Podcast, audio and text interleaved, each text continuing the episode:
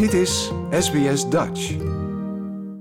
En de afgelopen tijd, jaren eigenlijk, vooral ook sinds de pandemie, merk je dat uh, mentaal fit zijn, goed in je kop zitten, dat dat steeds belangrijker wordt. Hè? Het is veel meer bespreekbaar, denk ik. Hoe was het in jouw tijd als topsporter? Ja, als topsporter uh, was dat eigenlijk ook heel belangrijk. Ten eerste wil je, ja, moet je mentaal fit zijn om te kunnen presteren onder druk. Dat, uh, ja, dat je onder de hoogste druk, je kan je voorstellen, je, zit, je traint ergens vier jaar voor voor een race van 23 seconden. Er zitten uh, duizenden mensen in een stadion en miljoenen mensen zijn aan het kijken. Ja, dan wil je graag goed presteren. En, maar dat geeft ook wel enige druk, understatement. Um, en daarnaast als sporter ben je eigenlijk bezig met alle aspecten van prestatie. Dus dat geldt voor je fysieke uh, prestatie. Trainen zelf, uh, sterker worden, uh, betere techniek, fitter worden. Maar ook je mentale en je emotionele prestatie is daar natuurlijk ook heel erg belangrijk in. En voor mij is dat ook wel uh, als sporter, en, in mijn geval als zwemmen, werk je altijd toe naar uh, ja, de laatste paar weken voor een groot toernooi. Die heet het Taperen. Uh, dat komt eigenlijk van de Australische zwemtrainer Forbes Carlyle, die, van de Carlyle zwemscholen die iedereen wel kent. Maar die heeft het concept taperen bedacht. En taperen betekent eigenlijk spits toelopen. Dus in de laatste drie weken, drie, vier weken, ja, wil je, werk je naar een topprestatie. Je kan niet een topprestatie leveren als je volledig moe bent van de training. Dus in die laatste drie weken moet je en uitrusten. Maar je wil ook fit zijn om snel uh, te zwemmen. Dus wat, hoe zag dat er voor ons uit, die, die, dat taperprogramma? Nou ja, steeds minder zwemmen, nog maar één keer per dag, maar wel twee, drie keer per week echt uh, races oefenen. Dus racebad pakken aan voor de training en, en races oefenen. Ik zwom in hetzelfde team als Pieter van der Hogeband. En ja, hij was eigenlijk een koning in het taperen. Hij sliep vier weken lang 16 uur per dag. Uh, zwom één keer per dag, uh, las tussendoor kranten, dronk een kopje koffie, keek een filmpje. Kwam hij uit zijn hotelkamer, uh, zwom twee banen in 46 seconden en werd Olympisch kampioen. Dus, maar doordat hij zo succesvol was, was zijn manier van taperen, zijn manier van voorbereiden op de wedstrijd, je volledig afzonderen, heel veel slapen en verder niks doen, was eigenlijk een beetje de gouden standaard. Dus dat deed ik ook voor de Olympische Spelen van Peking. Ik was um, eerste en tweede geplaatst op de 50 en de 100 vrij. Dat geeft al heel veel druk, lijkt mij. Uh, ja, dat kun je wel zeggen, ja.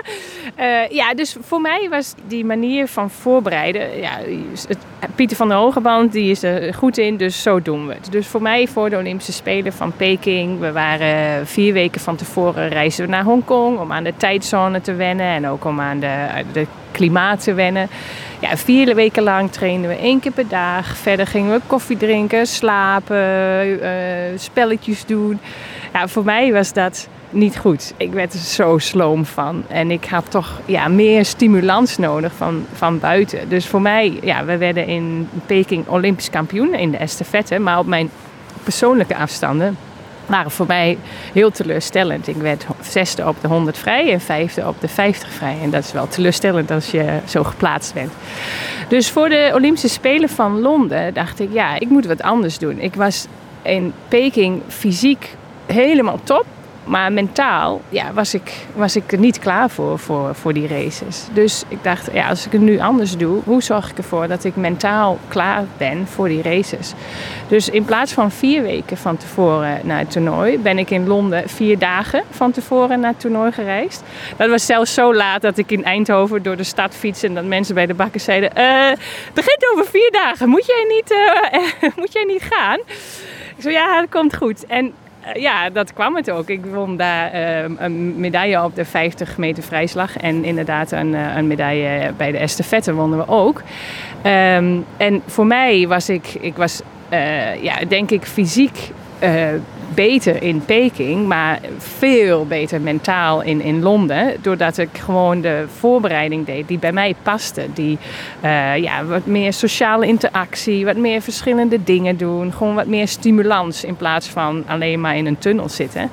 Dus ja, ook de mentale gezondheid, de mentale welzijn, ja, is zo belangrijk bij een topprestatie. Of dat nou in het zwembad of ergens anders is. En uh, een ander aspect, misschien een beetje off-topic, maar dat is als jij dan zo'n teleurstellende race hebt in Peking, dat er dan ook een camera klaar staat om met je te praten, dan moet je ook sterk in je schoenen staan.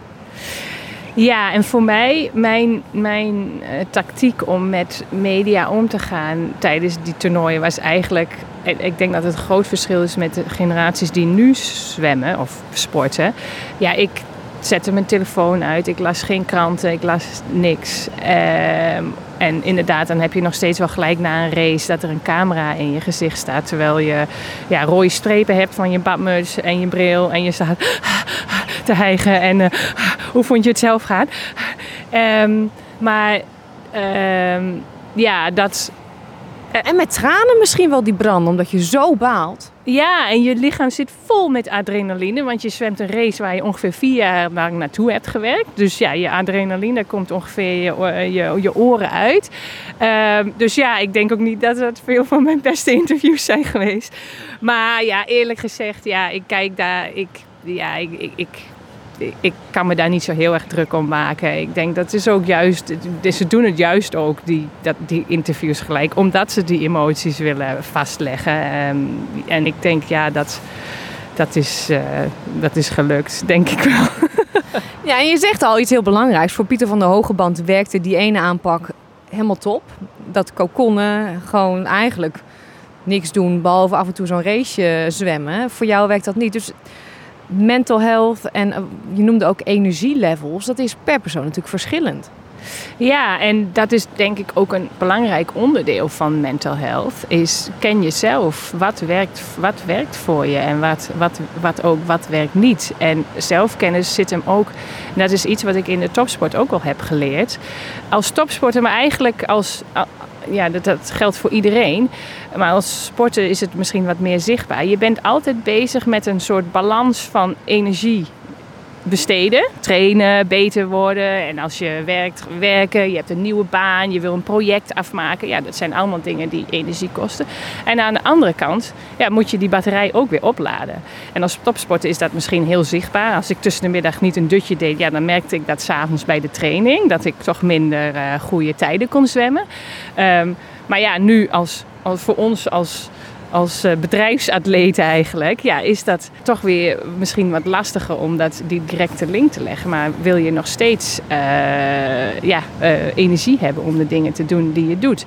Dus het is belangrijk om de, je wil de balans hebben tussen enerzijds energie uitgeven. Maar aan de andere kant moet je de batterij ook weer opladen. En dat opladen, ja, dat is voor iedereen ook wel verschillend. Je hebt natuurlijk een aantal basisdingen, slaap, eh, voeding, bewegen. Dat zijn belangrijke dingen die zorgen dat je je energie terugkrijgt. Maar eh, ja, voor de ene helpt uh, wandeling met vrienden of uitgaan of wat meer sociale dingen. Voor de andere helpt meer, die wil liever yoga doen of in de tuin werken of uh, een leuke film kijken. En ja, dat zijn natuurlijk uh, dingen uh, dat je goede zelfkennis hebt in wat jouw energie geeft. Maar ook wanneer het nodig is dat je je batterij wat aan wil vullen of moet vullen. Ja, want hoe merk je dat? Ja, zijn dat, dat die inkoppertjes? Dat je je gewoon echt moe voelt en nergens zin aan hebt of niks kan doen? Nou, we hebben bijvoorbeeld een workshop en dat gaat over stress eigenlijk. En waar we mee beginnen met die workshop is wat zijn de signalen?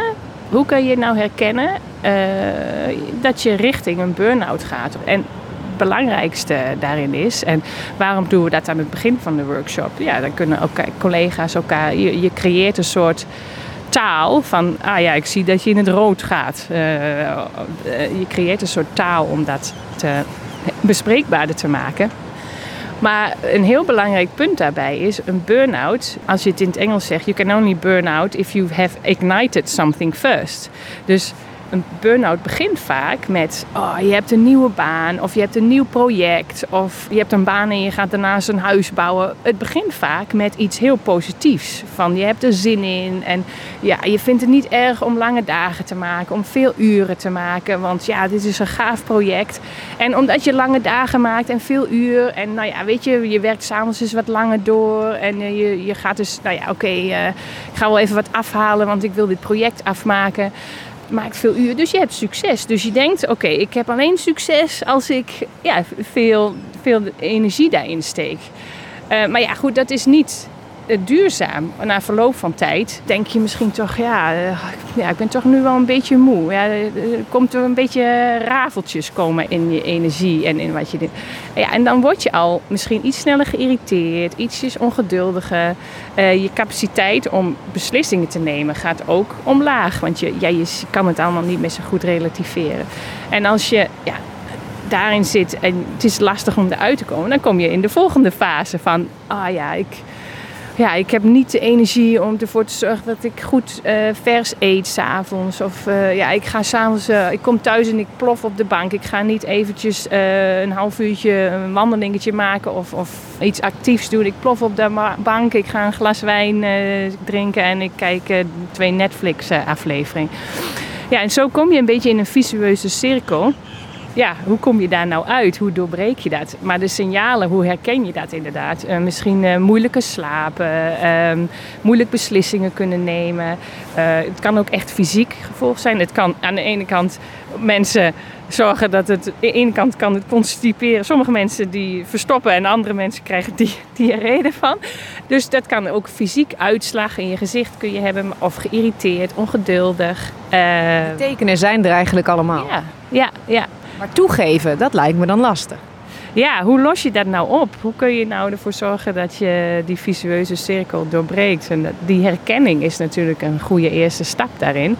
En ook toch terug naar de basis, die ook voor mij als sporten geldt. Hoe kan je nou ervoor zorgen dat je je energie terugkrijgt? Meer aandacht aan slaap besteden. Misschien wat in de workshop hebben we daar ook allerlei tips aan besteed. Wat kan je helpen om je slaap te verbeteren? Uh, voeding of bewegen. Misschien een kleine stap in plaats van inderdaad s'avonds gelijk op de bank te ploffen. Een kwartiertje door de, door de buurt lopen. Um, uh, dat soort dingen. Dus uh, ja, dat eerst moet je toch een kleine basisenergie uh, weer terug hebben om ervoor te zorgen dat je dat kunt veranderen. Hmm. En als jij niet goed in je energie zit, je hebt te weinig energie, dan heeft dat natuurlijk effect op jezelf, op je gezin als je die hebt, maar ook als je naar je werk gaat. Je, je, je collega's hebben er ook last van.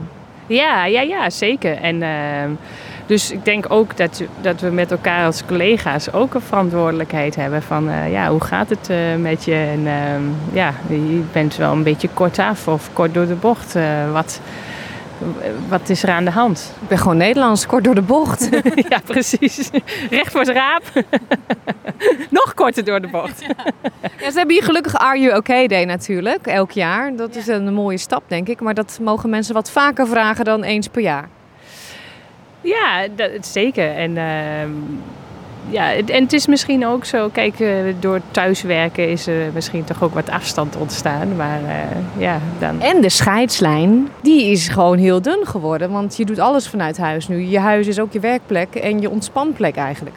Ja, en dat zie ik ook in de workshop. Het is heel veel. Uh, ik vraag altijd aan het einde van: Goh, wat, wat, wat, wat zijn je dingen die je, waar, waar je wat het meeste aan hebt gehad? En heel veel mensen zeggen: ik geef op een gegeven moment ook tips om hoe je ja, kunt disconnecten. Hoe zeg je dat in het Nederlands? Hoe je kunt uh, uitschakelen even. Uitschakelen.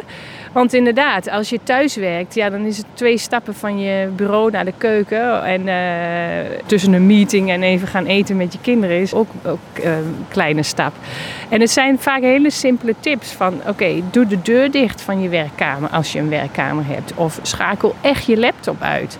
Of uh, ja, oké, je bent klaar met werk. Doe dan, je, je kan je andere kleding aandoen. Als je, alsof je een soort ritueel inbouwt, een soort overgangsritueel van oké, werk is klaar. Eh, ik begin nu met, met privé-tijd. Um, en, en, ik merk gewoon dat mensen daar best wel. Het zijn eigenlijk hele simpele tips. Het is niet hoog, geen hogere wiskunde. Maar ja, soms een soort verfrissing van. Ah ja, dat ga ik eens proberen. Uh, en bijvoorbeeld ook met je telefoon. Technologie kan daar ook wel helpen. Dan heb je eigenlijk alles goed gedaan. Je bent klaar met werken. Laptop dicht. Eten gekookt. Een wandelingetje gemaakt. Uh, nou ja, van alles gedaan. Kinderen in bed. En dan zit je s'avonds op de bank en dan denk je. Ah ja, nog even kijken had je alle e-mails weggewerkt en dan zie je ineens bij de e-mails, daar zie je vijf nieuwe e-mails. Ja, open je dat, begint het weer opnieuw natuurlijk. Dus je kunt ook die notificaties van um, vijf nieuwe e-mails kun je uitschakelen. Dat is een technische uh, oplossing, maar dat kan wel helpen. Of je kunt zelfs de werkgerelateerde apps op je telefoon kun je naar een volgend scherm uh, slepen. Uh, en ja, of helemaal de verwijderen van je privételefoon. Als je inderdaad een privételefoon hebt, kun je je werktelefoon uitschakelen. En um, ja, het, is, het zijn simpele dingen, maar het geeft wel de praktische tips om ervoor te zorgen dat, het, ja, dat, het, uh, dat je echt kan afschakelen, uitschakelen, afsluiten van je werk s'avonds. Ja, en je coacht dus nu mensen op dit vlak. En wat is nou die ene gouden tip die je dan cadeau kan geven nu? De ene gouden tip. Ja, ik denk. Um, ja, dan moet ik heel goed nadenken, want ik wil natuurlijk wel de gouden tip geven. ja, uh, balans. En dat klinkt een beetje soft en zweverig, maar dat is het totaal niet. We willen allemaal, en dat is ook een beetje paradoxaal, we willen allemaal stabiliteit en inderdaad uh, geen stress. Of, maar aan de andere kant willen we wel die promotie en we willen wel graag succesvol zijn. Dus ja, om daar een balans in te vinden uh, is een uh, essentieel onderdeel van het leven. En misschien eigenlijk nog een betere tip is dat je batterij opladen, dus herstellen, energie opladen, in welke vorm dan ook, is een essentieel onderdeel van prestaties. Als topsporter kun je niet presteren als je niet na een training rust, herstelt. Precies hetzelfde geldt voor ons bedrijfsatleet. We kunnen niet maar doorgaan, doorgaan projecten. Als je een project afsluit, sluit je het af. Ga je met je team zitten. Uh, wat ging er goed, wat ging er niet goed, voordat je met een nieuw project begint. Of je hebt een jaar, een financieel jaar eindigt. Wat, uh, wat hebben we in dit financiële jaar? Wat waren de tops, wat waren de flops? En hoe gaan we verder met het nieuwe jaar, met het nieuwe seizoen? Met welke spelers en dat soort dingen. Dus herstel is een essentieel onderdeel van prestatie. Like, deel, geef je reactie.